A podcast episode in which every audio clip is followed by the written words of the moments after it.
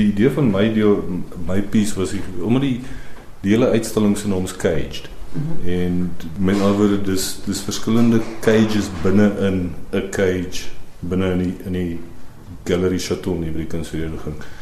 My my spesifieke een is 'n is 'n boot in die vorm van 'n rib 'n borskas. Mm -hmm. En daai rib ribkas of of in in Engels die rib cage is die een cage waarmee mens almal gebore word en wat jy deur jou hele lewe dra. So my my my stuk gaan spesifiek oor die feit dat dat die cage of die hok nie noodwendig 'n negatiewe ding is nie. Dit is ook die wessel wat jy dra deur jou hele lewe. Tog het ek in die persvrystelling gelees ook dat dit simboliseer tog ook 'n kerker waarin jy baie maal vasgevang kan wees. Maar dit is die hele ding. Die die die dit is die dis die, die hoek waar jy gebore word en wat jy deur jou was 'n interessante ding in in die kunsgeskiedenis en wat is nou die simboliek van 'n van 'n boot. Bote word altyd geïdentifiseer ge, ge, of ge is sinoniem met met 'n reis, met 'n met 'n reis wat jy gaan en in meeste gevalle is dit die lewensreis en dan ook hierdie spesifieke een die die size en die wat se naam daarvan verwys ook na die die boot wat jou dan aan die einde oor die river Styx vat of die boot wat jou in die hiernamaals invat. So dis die dis nie net die reis deur die lewe nie, dis ook die reis wat jou voortvat. Jy is vasgevang binne in hierdie lewe, binne in die cage. Mm. Maar dis op 'n manier is dit bevrydend. My ding gaan 'n soort van oor die oor die hele idee dat 'n cage is nie noodwendig 'n cage nie. Jy weet alles alles is 'n cage. So om soort van te opgewonde te raak oor dat jy gecages is of sinneloos want dit is wat dit is dis die dis die reis dis die lewe nou is nou 'n groot hok waar binne ons nou gaan instap en dit is ook dan waar hierdie swewende ribbekas boot van jou is in die middel van die hok en dan aan die kante is daar ons het nou probeer die Afrikaanse woord kry want dit is collars maar dis 'n halsband maar hierdie is nie jou gewone halsband nie Nee, nee, daar's redelik baie aandag gegee in die feit dat ons geen van hierdie raak aan die muur nie, geen van die werke raak aan die dak nie, geen van die werke raak op die vloer nie. Met ander woorde is dit totale ehm um, ek gaan nou die Engelse woord gebruik, suspended show. So alles is in suspense. Dit gaan oor energie. Ek ek in Sybrand werk redelik baie met die energie van beelde in die eerste plek. Die die hok is ook van so 'n saamgebou dat jy die een kant in en die ander kant uit. Met met ander woorde dit is redelik 'n gekontroleerde spasie. Maar mense besef dit nie noodwendig nie. So jy word op 'n manier uh, geentice om aan die een kant in te loop en dit is 'n baie nou spasie. So daar's nie daar's nie plek om te ontsnap nie. As jy eers op hierdie journey is of op hierdie reis is, is dit jy nodig om deur te stap om weer uit te kom by die ander kant. So ons forceer jou op 'n manier om in hierdie enclosed spasie uh, met geen daar's nie perspektief ten opsigte van jou en die beelde nie. So jy word letterlik in jou gesig gekonfront met verskillende goed. En, en ekskuus is baie ja. waar wat jy sê want ek staan nou hier by die een en dit is letterlik in my gesig. Ja. Want ek kan nie meer na agter toe nie want dan is ek op sy brand se beeld en ek kan nie vorentoe nie want dan is ek nog nader aan die halsband. So en jy kan dit nie miskyk nie, dis in jou gesig. Ja, en dis ja. hoekom ja. ons behalwe dit is die die spasie wat ons ehm um, probeer die loopspasie is omtrent dieselfde breedte hmm. as die spasie van die onderkant van die beelde en die bokant van sy brand se se beeld. So alles is baie gekontroleer. En die ander ding wat ook ingebring is die beligting is baie belangrik. En die manier die ehm um, die ehm um, graad of die angle wat in die beelde hang is asof jy asof hulle afkyk en daar klaar mense in daai mense wat klaar gecolor is of ge in hierdie afkyk na sy brandse beeld. So dit dit re resonate miskien ook bietjie na die geboorte as mens dit so met van Jesus Christus as mens so daarna ook kan mm. kyk daai inevitable wat gebeur weet. Ehm um, en die die colors ek gebruik maar die woord colors want dit is maar die inspirasie waar dit vandaan kom is van so dit kan letterlik tip op jou nek.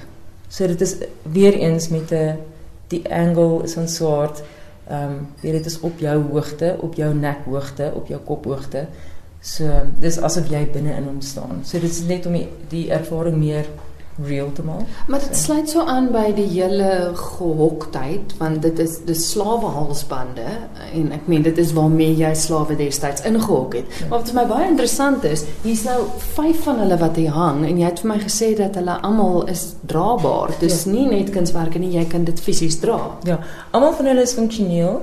Ehm um, En die die ander ding is die slotte, is spesifiek antieke slotte. Dit is nie is nie maklik om hulle in die hande te kry nie.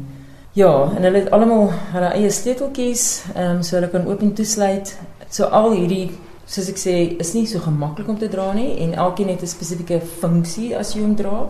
Die laaste beeld waar ek nou sal praat, ehm um, se beeld word spesifiek ek werk baie met woordsinspel. Mhm. Mm So sy naam is S net slash en dan stay. En hy het spesifiek te doen met 'n dis 'n postural collar. En in die wêreld van bondage waar hulle collars gebruik, ehm um, word dit spesifiek gebruik as 'n ehm um, hulle word 'n corset collars genoem, maar vir breathplay. So dis hoekom syne slash S slash stay. En in hierdie geval is dit ook religion. It represents religion. So hier is al jou verskillende goed waarmee jy probeer in jou lewe mee gekonfronteer gaan word. So Ja, want daai het 'n spesifieke groot kruis op. Kom Ja. kom ons kyk gou na die ander vier se funksionaliteit. Okay, as ons begin met die eerste die eerste een, dit is amper soos 'n ridderhelmet wat oor jou kop kom. Hy is uit twee dele wat uitmekaar uitkom. So hy het alles obviously die meeste van die goed is is gemaak en dit is 'n redelike intensiewe proses. So daar's baie vuur involved, daar's baie metaalwerk involved, so baie fisiese en baie dis obviously nie baie skoon proses nie. So die eerste een het te doen as ek gaan net terugverwys na die na die stages wat hulle noem van collaring. Mm. -hmm. So dit is dit het te doen die eerste een het te doen met ehm um, dit is so half pre engages consideration. Mhm. Ehm um, en dis die eerste beeld. So dit gaan so sy naam is con/aspire. Soos dit is nie net dan jou consideration nie, maar dit is ook jou conspiration daar agter. Ehm um, dit het te doen met dis dis meer met ehm, 'n um, mental ehm um, dit het waar dit teenoor die religious ehm um, color staan is dit meer te doen met jou met jou kop en jou thoughts en jou ehm um, jou inte intellek Ja, ja. as ek dit so kan Ja. noem. Dan die tweede fase van die coloring is ehm um, training en dit het te doen met being engaged. En ek het spesifiek in hom gebruik daai ehm um, ek weet nie wat sy regte naam nie wat hulle skoene mee maak. Ja. Ja. So Die sy lees. die Waar- lees. waarop jy die skoen- Ja, ja, ja, ja, so dit is waar hy daai beeld bestaan. So sy sy sy naam um, is S/train, so strain, maar train. En dan die derde beeld wat so 'n feature point is is is weer eens 'n tipe collar wat die wolf of die wolf collar genoem word. Ja, hy's te doen met protection en hy's ook baie decorative, soos jy kan sien. Ek gaan vir die luisteraars sê dit is dis letterlik sulke lang punte wat afbuig vorentoe en dan weer lang punte wat opbuig aan die agterkant. Dit Ja. lyk so smaanhare eintlik ook. Ja, Ja.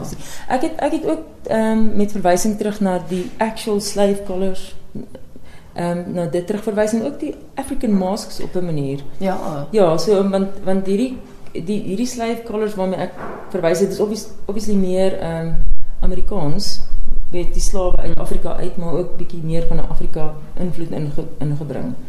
So en, En wat sy naam? sy naam is W/wolf. Soos Goed. werewolf. Dit is daai aanvalling en die protection daarvan. En dan die derde fase is nou ehm wat die uh, wat jy nou gemarried is en dit is as jy is enslaved is. Maar daai in spesifiek is die pikke en die hoewe waar dit gemaak is en sy naam is so slay slash VED soos slayed but slaved daai Ja, ja, ja. soos being slayed and enslaved en dan sis jy nou uitstap ehm um, loop jy dan in die marmerbeeld vas by die Ja, ek gesig. wou juist vra want hy's nie binne in die hok nie. nee hy's buite die hok maar hy's van binne die hok belig Ja. en wat nice is want dit maak dat hy ook maar deel van die kommunikasie is. En syne is net sy naam is net Stey en die beeld gaan spesifiek weer eens oor ehm um, die slawe trade wat hulle gebruik het om mense te martel met die skroef wat agter jou nek. Maar ook is dit gebruik in die dit is die renessans in die Engelandse periode, renessans tyd het hulle die die ehm um, vrouens se vingers op die jong meisies se vingers gebreek sodat dit meer ehm um, elegant is deur die vingers. Dit is meer vir die ehm um, die fashion daarvan. En al hierdie collars is ook die hele idee is die dit is nie net oor die ens, being enslaved deur collars wat ons vir onsself opsit nie, maar dit is ook weet slash hoe kan ek sê fashion slash al daai ander Ja, dis waar wat jy sê want ek meen ek sien die rokke Ja, by hierdie halsbande. Ja, dit en is- en, en ja. dis hoekom my myn sybrand se beelde verskil. Myne is ek sal almal ek sal hulle maak en dan sal ek letterlik hulle op fyn sand op al hulle edges sodat hulle reflect. So ek hou van die jewelry aspek daarvan. So dis ook soos jewelry pieces. Dis nie net ehm um, weet dit is nie net collars wat jy dra. Die hele ding saam, soos dit is nou weer deurgevat het deur die verskillende die verskillende fases en hoe hulle elkeen al daai verskillende fases is is relevant binne in soos wat sy gesê het binne in soort van binne in die BDSM kultuur het jy daai verskillende fases. Binne in jou lewe het jy daai verskillende fases. Binne in enige verhouding binne in enige enige omtrent enige uh, menslike aktiwiteit gaan deur daai verskillende fases. Daar's die deel waar jy daaroor dink, dan sou die deel wat jy soort van jouself begin commit, dan sou die tydperk wat jy veilig is, dan sou die tydperk waar dit werk is, dan sou die tyd waar dit meer spiritueel word. So daai hele die hele installasie saam is soort van 'n 'n lewensreis of 'n lewenservarings allegorie. En dit is wat ek ook dink nogal nice is. So die hele ding werk eintlik as een eenheid en dit is mooi. En dis mooi. Wat ook wat ook behoort manier deel van die van daai hele kontradiksie is, want dit is dis dis bene en dis slawe polsbande en dis martel met of martel implemente. Maar aan die einde van die dag dink ek nie dit is 'n aggressiewe uh, space of wat's nou. Ek dink dit is 'n baie gentle, baie beautiful Dis mooi. sagte space, Ja, ja. is reg. Op die einde aanvanklik voor mens weet waaroor dit gaan, is mooi wat jy raak sien Ja. totdat jy besef waaroor dit gaan. Tot jy sien wat dit Ja. is en ek dink dit maak dit baie baie suksesvol.